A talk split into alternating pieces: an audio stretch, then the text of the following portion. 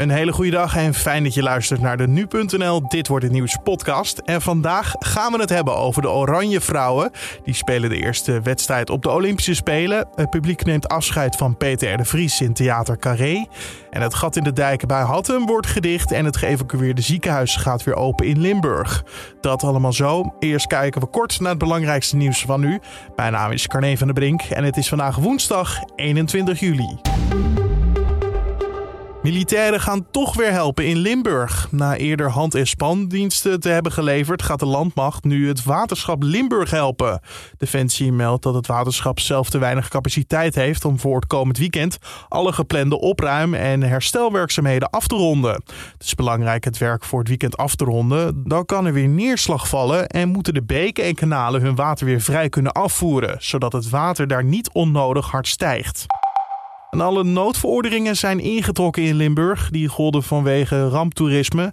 Maar nu het water weer zakt, zijn de toeristen weer welkom. Dat benadrukte gisteren ook de veiligheidsregio. Alle toeristen zijn van harte welkom in onze provincie. En die zou ik ook van harte willen uitnodigen. Want uh, u zult na een tijdje weinig meer zien van wat we hebben meegemaakt. Rijkswaterstaat waarschuwde gisteravond wel voor het opruimen van het rampgebied. Hoe begrijpelijk ook Toon hier alsjeblieft geen eigen initiatief. Ga niet zelf met de buren of met uw vrienden een stuk van de uiterwaarden opruimen. Het is te gevaarlijk. Er kan sprake zijn van drijfzand, er kunnen chemicaliën tussen zitten of scherpe objecten. De schademeldingen blijven oplopen vanuit Limburg. Er wordt naar passende maatregelen gekeken om iedereen zo goed mogelijk te compenseren. Organisator IDT onderzoekt samen met het OMT of festivals toch door kunnen gaan. Testen voor toegang moet dan waterdicht zijn. En volledige vaccinatie is niet meer genoeg als bewijs. Iedereen moet een negatieve test kunnen laten zien en die mag dan maar 24 uur oud zijn. Dat zorgt voor veel problemen, zo vertelde de directeur van IDT bij Nieuwsuur. Dat zou dus betekenen als dit wordt doorgevoerd dat bijvoorbeeld voor Mysteryland, wat een van onze grootste evenementen is en waarbij 25.000 mensen op de camping verblijven, dat je die dus allemaal elke dag moet testen. En dat is uh, logistiek uh, heftig. De branche wil uiterlijk 1 augustus uitsluitsel van het kabinet over de evenementen die vanaf 13 augustus plaatsvinden. En de noodtoestand is uitgeroepen in het westen van Canada vanwege uitbreidende bosbranden. Door de hoge temperaturen en de opkomende wind breidt het vuur zich de komende dagen naar verwachting verder uit. We have reached a critical point. Based on the advice of emergency management and wildfire officials and my briefing last night on the worsening weather, I am declaring a provincial state of emergency. Door de noodtoestand uit te roepen kunnen er op grote schaal evacuaties worden georganiseerd en kan er noodopvang voor evacuees worden geregeld. Duizenden brandweerlieden zijn druk bezig het vuur te bestrijden. En de Olympische Spelen zijn vannacht officieus begonnen. Het softbalduel tussen Japan en Australië ging om twee uur Nederlandse tijd van start in Fukushima City. De officiële opening van de 32e editie van de Zomerspelen is vrijdag pas in het Japanse Nationaal Stadion in Tokio. Maar een aantal sporten begint eerder al, waaronder dus softbal. En de Japanse vrouwen wisten te winnen met 8-2. En dan over naar de dag van vandaag. En dan blijven we bij de Olympische Spelen. Want het Olympisch voetbaltoernooi begint vandaag ook. Nog voor de officiële start van de Spelen. Vandaag is het aan de vrouwenteams. En dat betekent dus ook dat Nederland in actie komt. We mogen het opnemen tegen Zambia. Niets aan de hand, denk je misschien. Maar gisteren brak plots het nieuws dat Sherida Spitsen de Spelen moet laten schieten vanwege een knieblessure. Collega Julien Dom vroeg aan sportverslaggever Riepke Bakker, die in Tokio de Spelen volgt.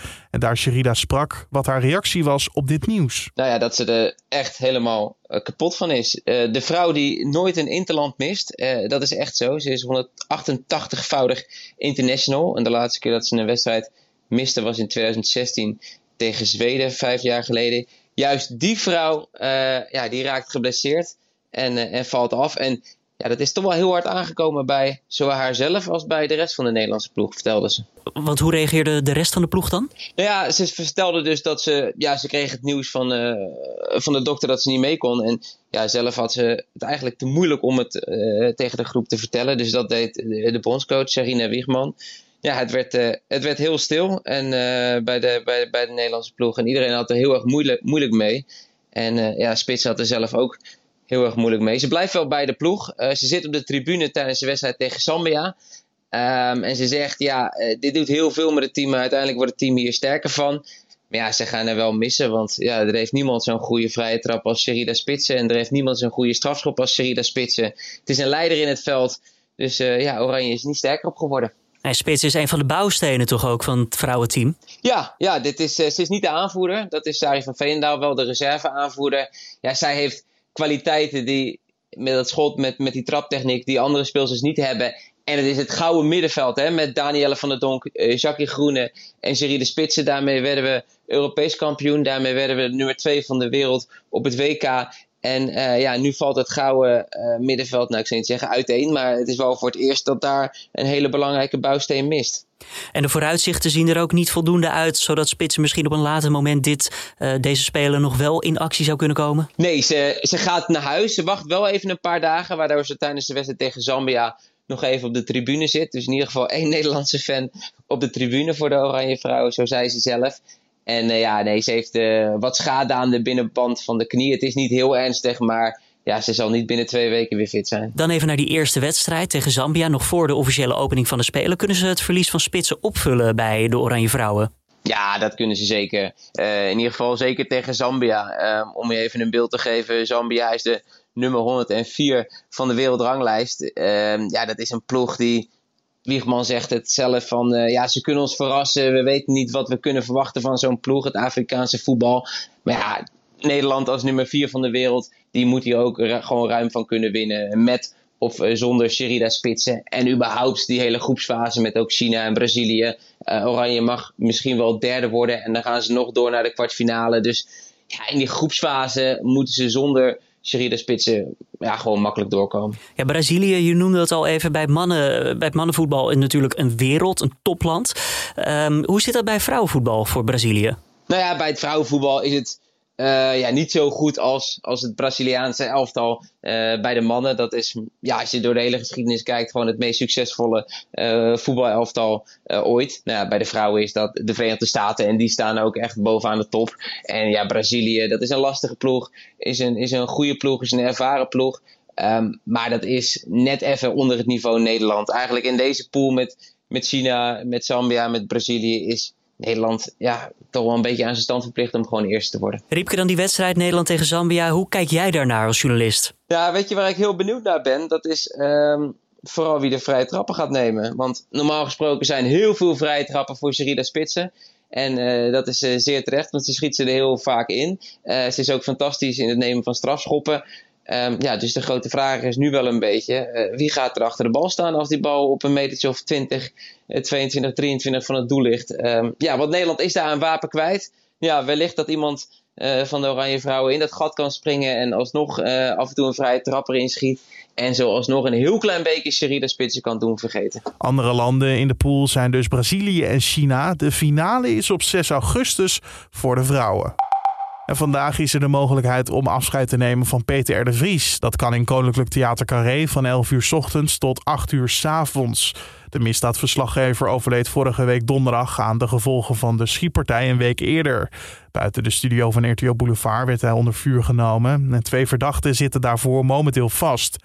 De uitvaart van de Vries vindt morgen in besloten kring plaats. Alleen familie, dierbaren en mensen die de misdaadverslaggever persoonlijk kenden zijn daarvoor uitgenodigd.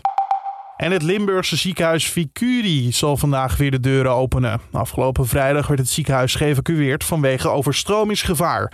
Patiënten werden overgebracht naar ziekenhuizen in de regio. En nu het gevaar van hoogwater is geweken, kunnen de patiënten weer terug naar Venlo.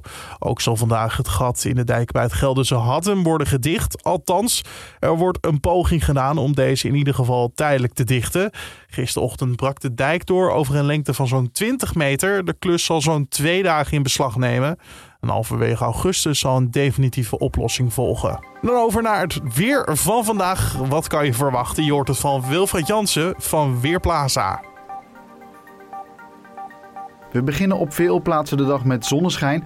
Met name in het noorden van het land kan eerst ook nog wat nevel of mist voorkomen.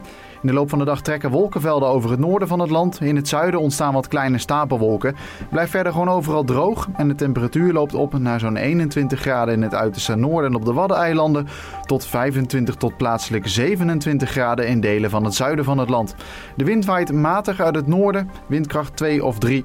Ook vanavond blijft het nog lang aangenaam met temperaturen ruim boven 20 graden. En tot zonsondergang veel ruimte voor de zon. Dankjewel Wilfried Jansen van Weerplaza. En om af te sluiten nog even dit. Door een technische storing hebben mensen problemen om hun testuitslag op te vragen op coronatest.nl. Ook bij het maken van test- en vaccinatieafspraken en het inzien van bestaande afspraken ja, kunnen zich problemen voordoen.